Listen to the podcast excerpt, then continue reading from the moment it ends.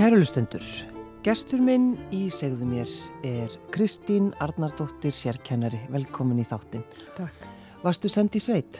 Já, ég var sendið sveit 11 ára gömul. Var reynda búin að berja svolítið fyrir því að fá að fara í sveit. Það var það, var spennandi. Og ég var sendið hérna vestur á Snæfellsnes í, í hérna Miklaholtsrepp sem þá var, hann er ekki lengur til. Og þetta var bara heilmikil lífsreynsla. Já, og hvernig var, hvernig var sveitabærin? Sveitabærin var svona gamalt steinhús með risi og málaður og hérna og svo voru útihúsin meira og minna úr torfi. Já. Þannig að þetta var bara stökkun í, inn í eldri tíma sem að mér finnst núna ómetanlegt. Og hverju voru á bænum? Þar byggur tvær konur, önnur var ömmu sýstin mín og gift og hinn var bóndin Mm. og uh, samband þeirra var alveg gott en þær voru samt engar perlu vinkonur, þær voru uh, í sínum hlutverkum. Línan sem var ömmu sýstin mín, hún kerði í traktorinn og sá um að fara með mjölkina á hérna næsta bæ, það sem hann settur að brúsa og ég stöndum að hugsa til hennar að því að ég er pílund að glata handstyrknum núna eftir því sem ég eldist að hún tók uh, sko þessa mjölkurbrúsa bara og demdi þeim hún í ána á, á kvöldin og upp úr áni á traktorinn til þess að fara hérna á brúsapallin og þetta lítur að hafa verið ansið þú. Já. En, en sko þær byggu þarna saman Já, og móðusist þín í rauninni ekki, ekki bóndin. hún var ekki bóndin. Ég held hreinlega hún hafi dagað uppi sem vinnukona. Já. Hún kom þarna þegar að pappi Ingu hérna var, var bóndin og hún hafði nú verið á fleiri stöðum og meðal annars í Reykjavík og meðal að amma mín var með börnin lítill. Mm. En einhvern veginn þá bara er hún þarna, endar hún sína ævirunni þarna þannig að hún fer á, á elli heimil í borganessi. Já. Og, og giftist þá aldrei? eða? Giftist aldrei, uh, átti bara sína rollur og svona fáina, bara hún bjó í pínulitlu herbergi þar sem fristikistan var komin inn og hérna, Þetta er svolítið svona dapurlegt, já en samt var hún óskaplega lífsglöð og kátt kona Já. og hérna, ég held að hún hafi aldrei upplifað sér sem neina, sko, neina undirmálsmannisku. Nei, eða eða eitthvað fórnalamb aðstæðna Nei. eða eitthvað slíkt. Ég held ekki. En einhvern veginn samt þá bara uh, var, var hún þarna bara allt sitt líf. Hún var þarna Hún er ekki einhvern veginn haft kannski hún, kraft til hún þess að... þráði það sem hún kona að læra til ljósmáður. En hún hafði skattast á auga bara sem smá krakki, fengið skæri í augun og, og hérna annað auga var bara ónýtt og hérna þannig komst hún ekki inn í ljósmáðuna. Mm. Við veitum sem ekki hvort hún hefði átt kost á því en allavega það var fyrir staða og svo þegar hún var orðin bara mjög fullorðin þá var auga laga, þá var þetta setja bara augstein í og, og hún fór að sjá með þessu auga. Já, Það er svolítið merkileg saga líka. einhvern veginn svona líka bara kynnast, að fá að kynnast svona konu. Mjög og þeim báðum, það Já. voru hérna bara mjög magnaðar. Og, og hvernig var svona, hvernig var lífið þarna fyrir svona litla, litla stúlku, Kristín? Sko, lífið var náttúrulega í, í frekar hagumtakti og lítil samskipti út af bænum. Það var ekkit faratækinn um að traktorinn. Einstakasinnum komu gestir, það var mjög sjaldan. Og þá var farið upp að háloftun og í kökur sem að einhvern veginn tókst að halda ætum allt sömari, söm kökunum. Sömu kökunum? Já, það, þær voru bara tilbúinar þannig að þegar ég kom að voru, voru upp á skörinni í ókynntu háalofti Var það þá, uh, hvað? og ég geti ekki ímynda mér, þetta var svona til dæmis eins og hérna eitthvað svona hvít kaka með, Já, já, með, já. með sulta á milli og kremi ofan á eða súkulaterta með, með krem á milli. Og ég er ofta að hugsa um þetta hvort það hafi verið svona mikil sikur í þessu og hvort að kuldin hafi hjálpað svona mikið til. En einhvern veginn voru þessar kökur alveg frambærilegar Bara, bara allt sömu. sumar ná Já, þannig að þær hafa bara á vorin, það bara nú böku við, það er dagurinn sem Já, við bökum. eða eitthvað tíma, en ég, Já. bara það var búið að þjóðurinn að ég kom Já, allavega. þú, þú upplýðir aldrei að ég, þeir voru að baka. ekki þennan, ekki þetta, nei. Nei, Það var baka brauð, bara einstakasinnum, Já. það var ekki kökur. Þannig að gestinni mættu og, og það var farið upp á loft Já. að kökunar. og ef það voru kallar þá var svona, kom svona einhvern svona pískur í þar og þær fóru og náðu í pela með einhverju áfengi Já. og held út í kaffið og hérna, þar voru báðar svolítið svona ég veit ekki hvað að segja, kindarlegar eða svona uppspertar þegar komu kallmenn á heimilið. Já. og þetta, þú hefur tekið eftir, eftir þessu. Þú, Ég tók eftir Já. þessu. Sérstaklega kom einu sinni maður sem var að grafa skurði og var þarna í einhverja daga og gisti. Þá var allt, bara gekk allt út á trubleiki þennan mann, hann var að leggja sig og Já, já. Þá, þá bara svona það. og væri komið svona unga barn á heimilið. En eins og til dæmis eh, sko, eldúsið og, og, og, og maturinn. Sko, eldúsið var mjög fremstætt og það var ekki rennandi vatn Mm. í húsinu yfir höfuð. Og ég hafði það hlutverk að vasku upp. Og ég þurfti að ná, taka vatn úr stóri tunnu sem var, það var hægt að dæla í hana úr fjósinu. Og ég tók vatn úr tunnu og sett í, hérna ketil og þóði svo upp úr, upp úr hérna vaskafatti og heldi svo í skolpfötu sem var þarna og ég þurfti að tæma úr henni svona öðru kóru. Já. Og þetta er hérna bara, auðvitað þessu sem krakki en þetta er mjög ólíkt öllu sem er nú til dags. Já. Og ég held að rafmagni hefði komið þarna bara einhverjum einu eða tveimur árum áður en ég kom. Já. En skýrið. Já, skýrið. Varum að spjalla um skýrið á þann. Þú spurðið mig hvort það væri eitthvað matur sem að væri með minnistaður og ég man svo sem ekki mikið, ég borðaði nú svona að megnunum til allt, en stundum var sænt skýr í mjölkubrúsanum sem að var umfram framleysla Já, já, já. og þá voru það mjög stóri plastpókar í minningunni, öruglega þrjú eða fimm kíló. Og eitt sumari þá kom þetta kannski tvissar, þrissar í viku. Og auðvitað var það að borða þetta þegar þetta var komið heim. Og þá var helst uh, reynd að borða það með því að, hérna, hræra því saman við háragröð, í hræring. Þetta- ægilegir hræringur. þessi ægileg hræ- hræringur sem ég hef aldrei felt mig við og skýri var alveg ofbótlega gallsúrt Mm. og svolítið kornótt og einhvern veginn sko, ég veit ekki hvort að hefði verið þetta borðað að frekar að hefði verið sko hrúað í það sikri Það hefði kannski verið aðeins betra. það verið já, en Já. þessi korn samt sitja svona í minningunni og hérna já, þetta, þetta var vondur tími En eh, svo náttúrulega, það var, það var fjósið, auðvitað, það, það var fjósið og það var svona handmjólka, hand, væntanlega. handmjólka þar ég held að það hafi verið sex kýr og það er handmjólkuðu ég hafi það hlutverk að, að hérna, sækja kýrnar og, og fara með þar í einn áttaga eða reka þetta allt í land frá bænum mm. að deginum og hérna þessa kýr voru miklir persónleikar og, og vinnir mínir. En ég hafði svo sem enga aðra ábyrð á þessu heldur en að fylgjast bara með þegar það voru mjölka lína vippaði brúsanum fullum upp á traktorinn og kerði nýra á sem að núna er lagsveiða eða var svo sem lagsveiða á en það var ekkert smart þá. Og hérna demdi brúsanum hún í hill og svo var hérna farið með þetta mótni á næsta bæ Já. Kristín, manstu eftir því svona hvernig þið leið? Ég held að mér hafi liðið óskup vel Já. og fyrsta sömari ringdi mikið.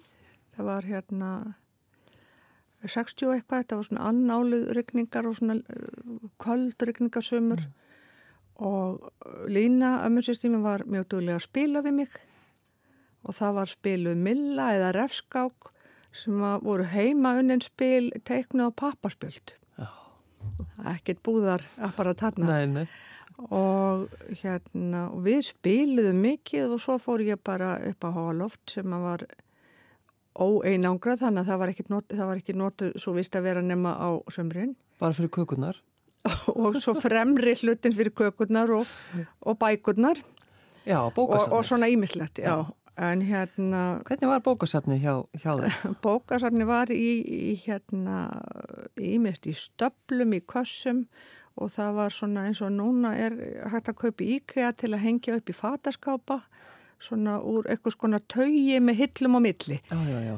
og, og mér minnir hafi rennilás utanum Og Þar voru þessu- bækurnar? Þar voru bækurnar, svona það er, það er betri. Já, sem hátt ekki safna. Það, neina, aðlega fúkin, þetta var náttúrulega óupita og það var svona, þegar við mamma fórum svo að gera upp eigur línu þegar hún var fallin frá, þá voru þetta algjörlega ónótafar bækur því að það var svo mikið fúkalegt að Já, já. En maður fann það ekki þarna, sko. Og hvaða bækur varst að lesa? Ég var aðalega að lesa, eh, það sem ég man eftir ég hafi verið að lesa er Guðrún frá Lundi. Það var hérna Dalalíf var það til, öll bindin og eflaust las ég eitthvað fleiri en það en þetta er nú, Dr. Skabla komast í gegnum fyrir 11-12 ára stelpu að Já. lesa alla Guðrúnu. Og mannstu eftir hvernig þið fannst að lesa hana? Mér fannst hún alveg æðisleg og allur þessi sko, allar þessar mannlýsingar og, og, og romantík sem ég skildi kannski bara svolítið grönt þá en mér fannst þetta voða spennandi. Já. Varstu fljótalega að lesa? Ég var mjög fljótalega að lesa. Og ég var sændi í tímakjenslu og ég var orðin læs ég byrjaði í skóla. Og ég varð svona eiginlega hakkavél á lestur, ég bara allt sem ég komst í það las ég. Ég er svolítið þannig ennþá. Mm. og hérna og bara var alltaf í mínum frístundum dálti mikið með bækur. Tímakensla, Hva, hvað var það aftur? Og tímakensla á þeim tíma var hérna eitthvað sem að fóruldrar þeir átt að senda börnin læs í skóla ef að kostur var. Já. Já, það var bara svona, það var bara talað um það, það var náttúrulega... Já, ég veit ekki hvort svona að tala um það, ég held að þetta bara hafi verið bara í samfélaginu bara eitthvað sem að var vitað Já, eða það- samþygt. Við bara sendum börnin í skólan og þá eru þau læs. Já, og í mínu tilviki var það nú öruglega ekkert mikið mál en það hefur kannski verið það með, með krakkar sem áttu undir höggasækja. Og þá voru svona eldri konur sem ég ímynda mér hafa verið kennarar á eftirlaunum eða eitthvað sliðt og það er tóku krakkan á heimili sitt Já, já, já. og voru, og sannilega hefur þetta verið eitt tími og viku, ég veit ekki hvað þetta heitir tímakensla en, en hérna, Þannig að þú hefur setið við borstofuborð hjá einhver já, staðar. í minningunum satt ég við eitthvað borð og það voru fleiri krakkar og það sem var nú verst við þetta það var að þarna var nýbúið að gefa út uh, námsefni sem var á, á blöðum, svona A5 blöðum. Já, sem voru svona stutti tekstar og uh, sem við lásum og sjálfsagt unnum eitthvað með. Og svo þegar ég byrjaði í 7 ára bekk því að það var ekki 6 ára bekkur þar eða á þeim tíma að þá hérna voru bara sömu blöðin og það allir mér miklum vonbröðum já, þannig að þú varst bara búin að lesa allt saman. búin að lesa alls saman Þér og- hund leittist þá til þess að byrja með? Já, mér finnst það, ég, mér fannst mér pílundið miðspóðið Já, já. En hvenar ákvaðstu, Kristín, að fara í kennsluna? Sko ég hérna eftir stúdenspróf, sko stúdensnámi mitt miðaði mikið að því að verða lífræðingur. Það er mikið áhuga á lífverum og lífræði og, öðru slíku. En ég var ekki nógu góð í eðlisfræði og starfræði. Já. En áhugin mikill? Áhugin mikill og einhvern veginn eh, bara gafst ég svolítið upp fyrir starfræðinni. Var með alls konar eitthvað sem ég hef aldrei rekist á í praktísku lífi eins og sínus og kósinus og tanginus og eitthvað í starfræði delt. Jú, jú. og enn í dag veit ég ekki út á hvað þetta gengur, þetta er einhverja, einhverja bylgju, bylgjur í gröfum en til hvers maður notar það veit ég ekki en Starfræðingurinn getur eflust svara því. Ábyggilega. Já, í löngu máli. í löngum máli. Og mér er sagt að þetta sé hafa nýtt fyrir Já. söma Já, en ég hérna áttaði mig á því að þetta lá ekki fyrir mér. Og þetta var krafa um þetta í háskólanámi í lífræði held ég. Svonum minn er reyndar í lífræðinámi núna, ég held að hann sleppi alveg við alla starffræði Já, já, og að megninu til við, við efnafræði og ellisfræði. En kannski hefði ég bara getað þetta. En ég sótti um eh, bara seint að sömri og var viss ekkit hvað ég ætlaði að gera. Og seint að sömri verandi hótelpíja austur á höfn í Hortnaferði þá sendi ég en umsókn upp á uppeldis og, og ekki uppeldis og kennslifræði, heldur uppeldis og sálafræði já. og fór í háskólan í það. Já, þannig að þú hefur verið að vinna á, sum, á þetta sumarið á, á Já, hóteli. þetta sömar eftir stúdinspróf. Já. Það var búin að vera að vinna með krökkum m- mikið svona hérna bæðið sem skáti, sem skátafóringi og ég var að vinna í svona sömarvinnu fram að því með, með krakka var mikið. Já. Þannig að það var svo sem ekkit skrýta, ég skildi sækjum þetta. En hótelpíjan, var þetta, svolítið skemmtilegu tími? Þetta var gríðalega skemmtilegu tími. Við settumst við eldusborði hjá einnið þarna þrjár vinkonur og, og hérna sendum bref á hinn ymsu hótel hér og þar á landinu. Handskrifuð svona. Já. Og hérna fengum ekki svar nema frá þessu eina sem að voru höfni í Hortnafyrði. Komum þar alveg grænar eina sem að við áttum að svona vita eða koma með það var kvítskýrta og okkur var demt á vaktir í sal alveg hreint bara hérna beint og þar voru að servera hópa af túristum, ég held að túrismin hafa nú verið kannski að byrja þarna. Og það voru svona rútuferðarhópar sem að sem að hérna já það kom svona skamtur af túristum alltaf, alltaf annan hver dag held ég. Og þá voru þeir búinir að vera á, á hérna einhverjum öðrum stað og það var búin að semja um þið gefið þeim lambakjött og þið gefið þeim sílung og eitthvað svona. Þannig að það var alltaf sama lambastekin allt sömarið og í hópana já, já. og við vorum að servera þetta af gríðarlega stórum þungum bökkum þar sem raða var lambakjöttin og kartöblum og bönum já og svo ættum við að halla okkur yfir fólkið og servera á diskana fyrir framann fólkið. Og halda á... Halda á bakkanum. Og vöðvabólkan sem við fengum allar, það var einhver líkt. og hvað, er, eldar þú til dæmis lambalar í dag eða fegst alveg nóg? Eh, sko, maður með sér nú yfirlt um lambalarinn, en, en mér finnst lambakjött gott. En þarna var eitthvað krydd, ég held að verið rósmarínið að það var eitthvað sem kokkurinn þarna notaði sem ég fannst ekki sérstaklega gott. Nei og við vorum á öðru fæði staffið inni þannig að við borðum ekkert alltaf lampakjút Nei, nei, sem betur fyrir En það var svo mikið stuð þarna. Þarna var alveg sko, fjöldinlega allra á stelpum og sem þekktist ekkit fyrir og það var alveg bara svona mögnuð káttinu stemning þarna Þannig að þú er einhvern veginn aldrei hika við það, Kristín, að, að vinna? Nei, það tilheyrði bara. Já. Ég fekk aldrei vasapinninga svona sem að mér voru réttir. Nei. Ég bar út blöðin þegar ég var eh, enn yngri, bar út vísi og seldi aukablöðin. Það var það ekki alltaf aðalmálið mitt að eiga nokkur aukablöð til sem... Jú, vísi var mjög örlátur ja. á aukablöð, maður fekk alveg og ég átti mér að fasta kuna sem ég bara kom með bladið og þeir borguðu fimmkall sem var lágt verð en þetta voru öryggir kunar. Já. Og, þannig ég held ég að vera bara útsjónum sem með peninga og átti alltaf peninga. Já. En hvernig var það svo þegar þú, uh, þú sækir um skólan og, og, og ferð í, ferð í kjensluna? Uh, sko, ég fór þarna eitt ár í háskólan Já. og uppgöttaði svo að þessi uppeldisfræði sem þá var nýgrein í háskólanum var bara blindgata. Já, hvað finnur þau? Það, var ekkit í kerfinu sko neitt starf sem beigð uppeldisfræðinga. Já, þú meinar. Og fólk frá, viðst, ég veit ekki hvort þetta er til sem grein ennþá í dag en svona ég veit um fólk sem var með mér í þessu námi sem fóð bara í alls konar vinnu. Mm. Þetta var náttúrulega nýtt nám og hvað, einhvern veginn ekki uh, bara útpælt eitthvað eða? Mm, nei, allavega ég uppliði það, maður gengi ekki danninu ákveðnu starfi eftir þetta, nei. eins og þetta skemmtilega pælingar og allt í lagi með það. Og vinkona mín var farin í kennarháskólan og fannst það gríðarlega skemmtilegt.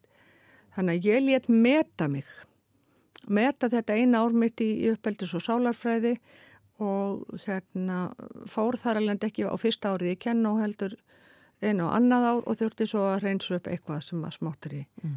sem þetta takkið við bót. Þú feina að hafa tekið þessu ákvörðin? Já, ég er það því að hérna kjænslaði var alltaf leiði vel fyrir mér og svona alveg framöndu þennan dag hefur mér fundist svo skemmtileg. Ég er á hann svolítið þreytt núna Hvað ertu búin að kenna í mörgum? Ég er búin að kenna síðan 1981 eða án hlýja Já. Alltaf, eftir, ef þú að fara að hætta? Nei, nei ekki fyrir kemstu eftirlun en það hefur mjög margt breyst. Það er hérna frá því að byrja að kenna þar sem börnin komu stilt og prúð inn og maður kendir enda tveimur bekkjum á dag. Þau fóru öll í sæti sitt og þau voru í sætinu sínu og, og það voru kannski misskörp svona en, en, en ég man ekki eftir neinum krökkum sem að voru eitthvað mótmælaði með ólæti eða eitthvað slíkt. Mm. En núna er þetta bara allt önnur ella. Krakkarnir koma inn rosalega óöguð og ég segi ekki allir en, en í fyrsta bekk hjá okkur í Kópáskóla í fyrra voru krakkar sem við getum sagt að hafi verið bara hérna afskapla illa stött á sálinni og, og rákus mjög illa í hópi þannig að það var hérna kvein í seglum mjög á haustanninni mm. krakkar sem þýrstu bara miklu mér í hjálp Já, erstu þreytt þess vegna? Kanski? Já, ég held það og Já. svo eru, e, voru alveg 30% e, nefnda nýbúar hjá okkur, þetta er hverfið sem að nýbúar flytja svolítið í mm. og það reynir mjög á sérkennara að reyna að finna út úr því að kenna nýbúum að lesa sem að ekki kunna málið. Já. En þú ert náttúrulega, þú ert sérkennari. Ég er sérkennari, já. Og, og hefur nú aldrei svona, já, verið með alls konar pælingar í tengslum við það?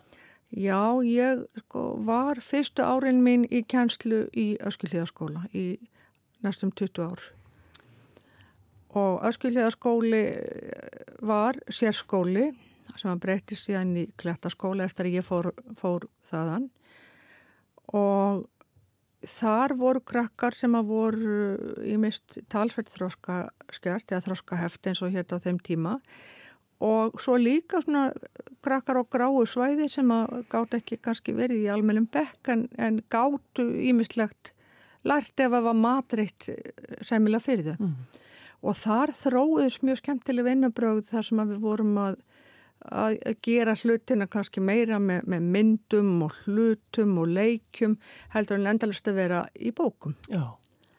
Og, en hvað, hvað var sko til þá Kristín að, að efni á þessum tíma? Sko á þessum tíma var í rauninni ekkit námsefni nema bara megin línan eða, eða það námsefni sem allir átt að taka. Jú, jú. Og, og hvað gerði þið þá? Við bara vorum alveg óskaplega frjó Já.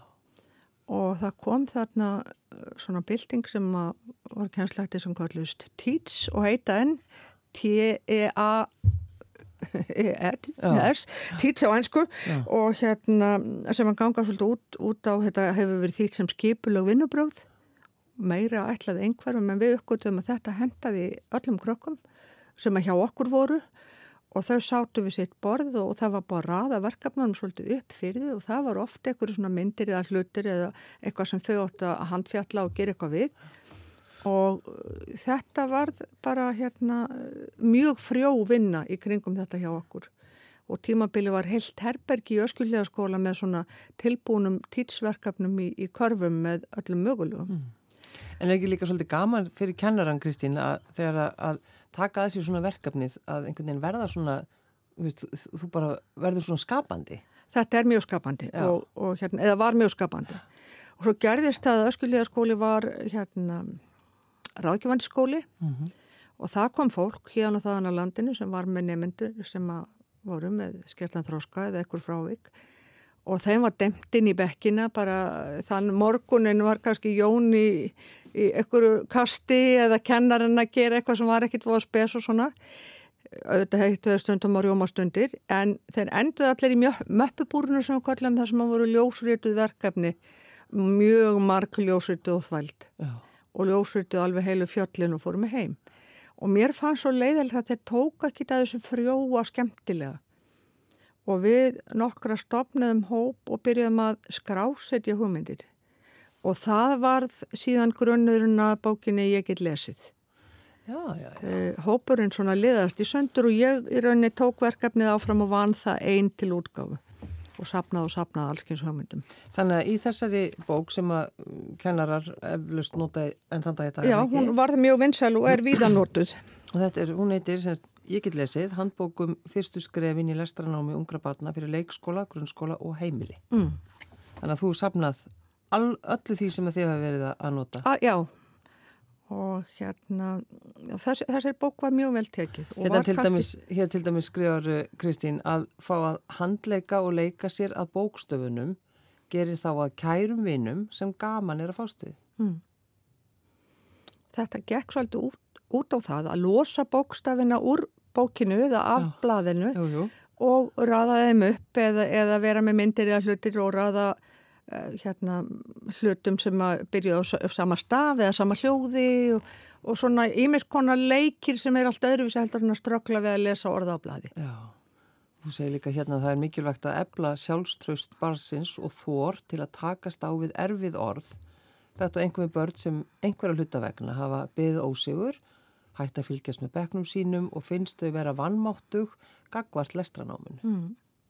Þetta nefnilega hef ég séð gerast allt og oft. Já. Krakkar sem koma kannski ekki mjög undirbúin í skólan eða krakkar sem að setna reynast verið með díslegsu eða einhvern vanda. Og þau koma svo saklaus og, og, og björnt inn í, í sexorabekkin Svo er bara brunað áfram í stafakjænslu, innlokk hljóða eins og það heitir á skólamálunu já, já.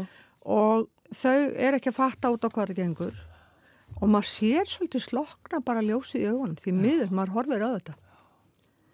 Og það, það hefur svolítið verið mitt... Ha, það er erfitt að fylgjast með því. Það er mjög erfitt að fylgjast með því og mitt hlutverk hefur svolítið verið að taka þau börni í stofana mína og reyna að hérna kveikja aftur áhuga með því að leika þau svolítið í gegnum þetta. Já. En ég myndi að horfa á að, sko, vonar glætun einhvern veginn bara. Það verða svona vonsvikin. Já. Það er ekki að lýsa þessu. Mm. Og hérna, og svo bara sérstaklega ef þetta eru strákar þá fara þeir bara í að trubla eða fara undir borð, stelpurnar þær týnast meira. Mm. Og svo rúlar þessi vandi upp á sig eins og snjóbolti því að ef maður er farin að tapa þá reynir maður minna og, og fara enn minni æfingu. Já. En hvað sko, er, þetta er þessi hérna ég get lesið Já. og svo tölur og starðir. Svona einhverjum árum setna settist ég, ég sótt um styrk fyrir báð, báðar þessar bækur og einhverjum árum setna þá fór ég að skrásetja líka hugmyndur úr aðskiljiðaskóla og svo sapnaði ég bara úr allskins handbókum og, og, og í báðum bókunum, svona erlendum bókum og dótið vefsýður voru nú ekki komnar svo mikið þarna og sapnaði hugmyndum sem tengdu starffræði og svona starffræði hugtökum. Mm. Og það er til dæmis sem að bara flettir í gegnum þessa bók um, tölur og starðir að þá, að við, áðurinn við settust hérna inn Kristín þá vorum við að rifja upp þetta þegar maður uh, notaði bara sandin og, og spýtu mm. til þess að skrifa alls konar orð og fara í Já fari í hérna orð, alls konar orðaleiki. Já. og þá ertu til dæmis með hérna mynd úr fjörinni það sem er verið að kenna uh, tölur og, og, og bara talna skilning. Mm. nota, nota bara umhverfi sitt. Já. Þetta hefur nú, nú komið svolítið í tísk og heitir útikjænsla Já, einmitt. Og sömur eru mjög flinkir í þessu að meðan aðri ger ekki neitt. Nei, nei.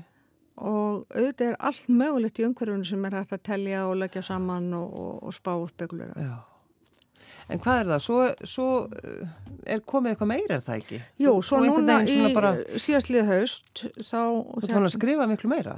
Já, ég Já. sátti ennu aftur um styrk. Þetta er svona hálgjart hérna, ég veit ekki hvað maður kalla brjálaði, að vera að sækja um svona styrki og, og fá þá og setja svo uppi með verkefni ofan í fullakenslu. Jú, jú og hérna ég eiginlega lofaði fjölskyldunum minni þegar vorum að bera inn lagarinn að þessu núri hætt Já, ætlar að standa við það, Kristín? Ég veit ekki, Nei. ég er reyndar strax byrjuð að huga öðru sem verður nú miklu smarja í sniðum Mér finnst svo gaman að búa til verkefni Já. Þetta er svona minn prjónaskapur eða minn, mitt föndur Já. að búa til alls konar svona og ég hafði alveg óskaplega gaman að í þetta verkefni sem heitir Lærum saman það byggir á sögum, svona litlum bara sögubókum þar sem að ég bjóð til fjölskyldu sem eru þrýr krakkar, tveir krakkar týpura sem eru enþá í leikskóla og einstalpar sem er nýbyrjuð í grunnskóla og mér fannst þetta voða gaman, ég er alveg til að gera meira þessu. Já. Þegar ég sko laug við þetta þá ekkert að segja og ætla ég geta hitta þessa krakka meir og hérna, ég hafði mjög gaman að því og ég svona hugsaði hvernig á ég að færa efni sem er svona í handbókum fyrir fullorna yfir til barsins þannig að barni sé að fá þetta leiðbenningarnar og hugmyndirnar en ekki bara sá fullorni mm. og ég uh, fór inn í þetta forma sem ég þessa litlu sögur. Fyrsta bókin heitir Lærum að lesa. Þar kemur amman til að passa krakkana í heilar þrjár vikur um að pappa og mamma fara til útlanda. Og þessi yngri þráða mjög að fá að læra að lesa eins og sigga sem er komin í skóla Siggu gengur ekkit rosalega vel, hún gleymir stöfunum svolítið og er ekki alveg að finna út úr þessu. Þannig að amman bara leikur sig í gegnum þetta hérna, með krökkunum, kann alls konar leiki og æfingar og, og hérna, er þarna í þrjár vikur með þessum barnabörnum sínum og, og bara er að kenna þeim allt mögulegt. Mm. Allt svo, í gegnum leik. Já, allt í, allt í gegnum leikin. Já. Er ekki það sem einmitt alltaf verið að minna okkur á að við, við getum gert? Ég er mjög mikið stört þar. Já og hef lagt á mig bara ómælda vinnu að búa mína kennslu í skemmtilegar umbúðir. Já. Er það sem þú, sko, lærður þetta eitthvað í, í skólanum? Nei, að maður segja að við lærðum þetta í öskiltíðaskóla. Já, já, akkurat. Því að, hérna, maður situr ekki með krakka sem er með, hérna, það sem að núna heitir aðtilsbregastur ofirkni eða, eða skertnaþroska eða eitthvað og, og, og ströklar bara með, með bókina. Maður þarf að eiga fleiri spil upp í erminni. Mm. Svona spilin? Spilin voru að hluta til með, hérna, ég get lesið, komið svolítið öðrum búningi þarna og það er svona vísað í, í sögubókunum kom alltaf svona talbólur þar sem að ég sem höfundur tala til krakkana. Já, já, já. Og hérna, þetta er allt til á hljóðbókum sem að sonum minn tóku upp og við ætluðum að gera vídeo með öllum sögunum, það eru komin vídeo með einhverjum 7-8 sögum. En svo komast það raunum að við seljum þær ekki seljum það ekki sérstaklega og það er mikil vinni að búa það til. Þannig að því miður verður minna úr því heldur en tilstóð mm. en, en þetta eru alveg bara þvílegt skemmtileg vídeo sem að Sindri Sónuminn hefur verið að búa til úr mynd, myndunum í bókonum og setur þetta inn á bakgrunna og hljóð, hljóðbókina yfir. En þú er búin að lofa fjölskyldininu og allar ekki gera meira af þessu? Ekki, en... svona, ekki svona stóra pakkar. Nei, en þú ert eins og þú segir, þú ert strax komið með fleiri hugmyndir. Sko ég gaf út líka hérna, minnislikil með, með lestranámskið sem ég þróiði sjálf, þar sem að foreldrar koma og læra ákvæmna aðferðir og eru svo með barninu sín í fjóra vikur í talti stífu lestranámskiði sem að krokkunum finnst mjög skemmtilegt og hérna fylgir því umbúnakerfi sem að kveikir alveg á þeim og, og heldur þeim við verkið í fjóra vikur og ég gaf út þetta efni alls saman á minnisleikli. En nú er það sko eins og við nefndum að í gamla daga þá var það bara ætlast til þess einhvern veginn að við varum búin að kenna börnunum okkur að lesa mm. en núna koma krakkarnir og, og það kannski ekkert búið að vera eitthvað undirbúðu? Það er alveg heiminn að hafa á milli. Þau koma ímist sko ljómandi vel undirbúinn og, og, og söm læs en því miður þá er þetta alltaf krakkun sem er ekkit að, mm.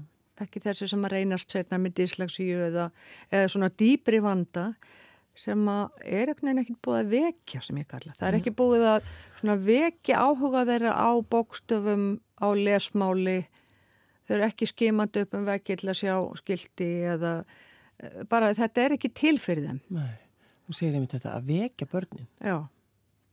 Þau eru náttúrulega sko með upplugt forrið. Þau eru með mjög upplugt forrið og sonur minn hérna elsti, þessi sem var að gera vídjóin, hann var lítill á sama tíma og ég var í öskilíðaskóla að kenna jafnum öldrum hans mjög eh, erfiðum hópi og til þess að hafa ofana fyrir stráknum þá var ég stöðut í bílnum í einhverjum svona leikjum. Ég sé eitthvað sem að hérna, byrjar á eða ég sé ell, sér þú það? Og þá skimaðan í allar áttir. Þannig að þú varst ekki í gulur bíl ha? Þú varst ekki í leiknum gulur bíl Jú, líka. En svo hérna var ég í því að búti texta fyrir þessa strákar sem ég var að kenna og ríksuga úr þeim alla samhljóða, all samhljóða sambönd og allt erfitt Setur ekki drengurinn minn í aftursætun eitt daginn og les réttar holdsvegur sem er mjög sko, lestrafræðilega erfitt orð. Það var bara skilti við liðin á bílinum. Þá er hann bara búin að það sem að hérna, skantínavarnir kalla knekki kóðun, ráða dölmáli, búin að finna út úr hvernig þetta virkaði og eftir það lasa hann bara. Já, þannig þetta er kannski eitthvað sem við getum hugsað svolítið um að vekja börnin. Já, ég Já. vildi óska að fólk væri meðvitaðra um að vera aðeins búin að vekja börnin bæði varðandi starfrað og lestur og bara vera að leika sér að því að telja og, og hérna leggja saman lága tölur í huganum og, og svona ég held að svona hafi verið gert mm. áður. Ég veit það ekki. Kristín Arnandóttir sér kennari. Takk fyrir að koma. Herðu, takk hella fyrir að lefa mér að koma.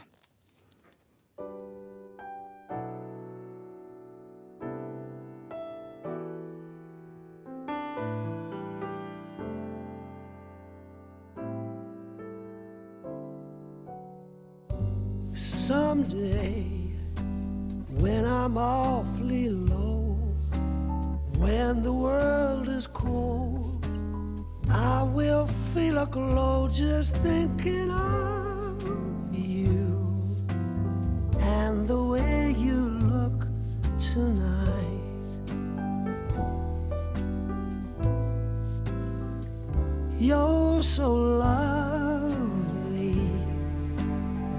Your smile so warm and your cheeks so soft. There is nothing for me but to love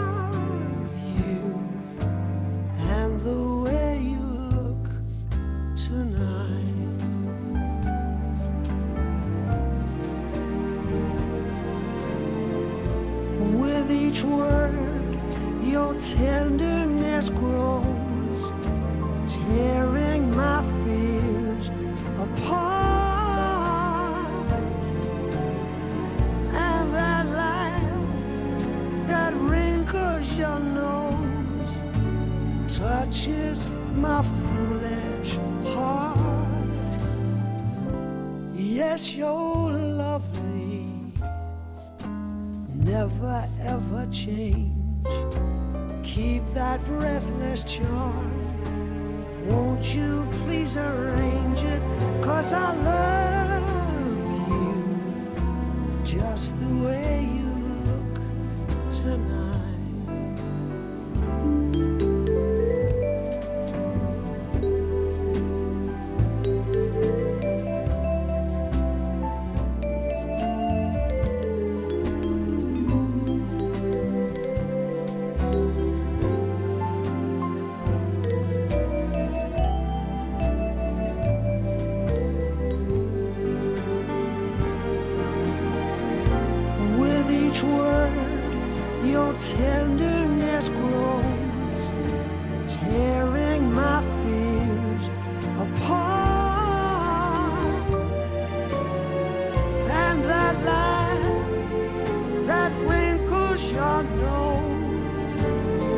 touches my foolish heart.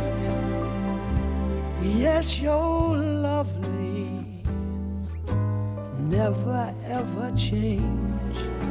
Keep that breathless charm. Won't you please arrange it?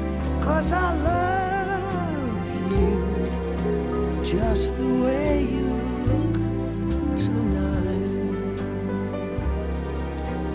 Just the way you look tonight, darling.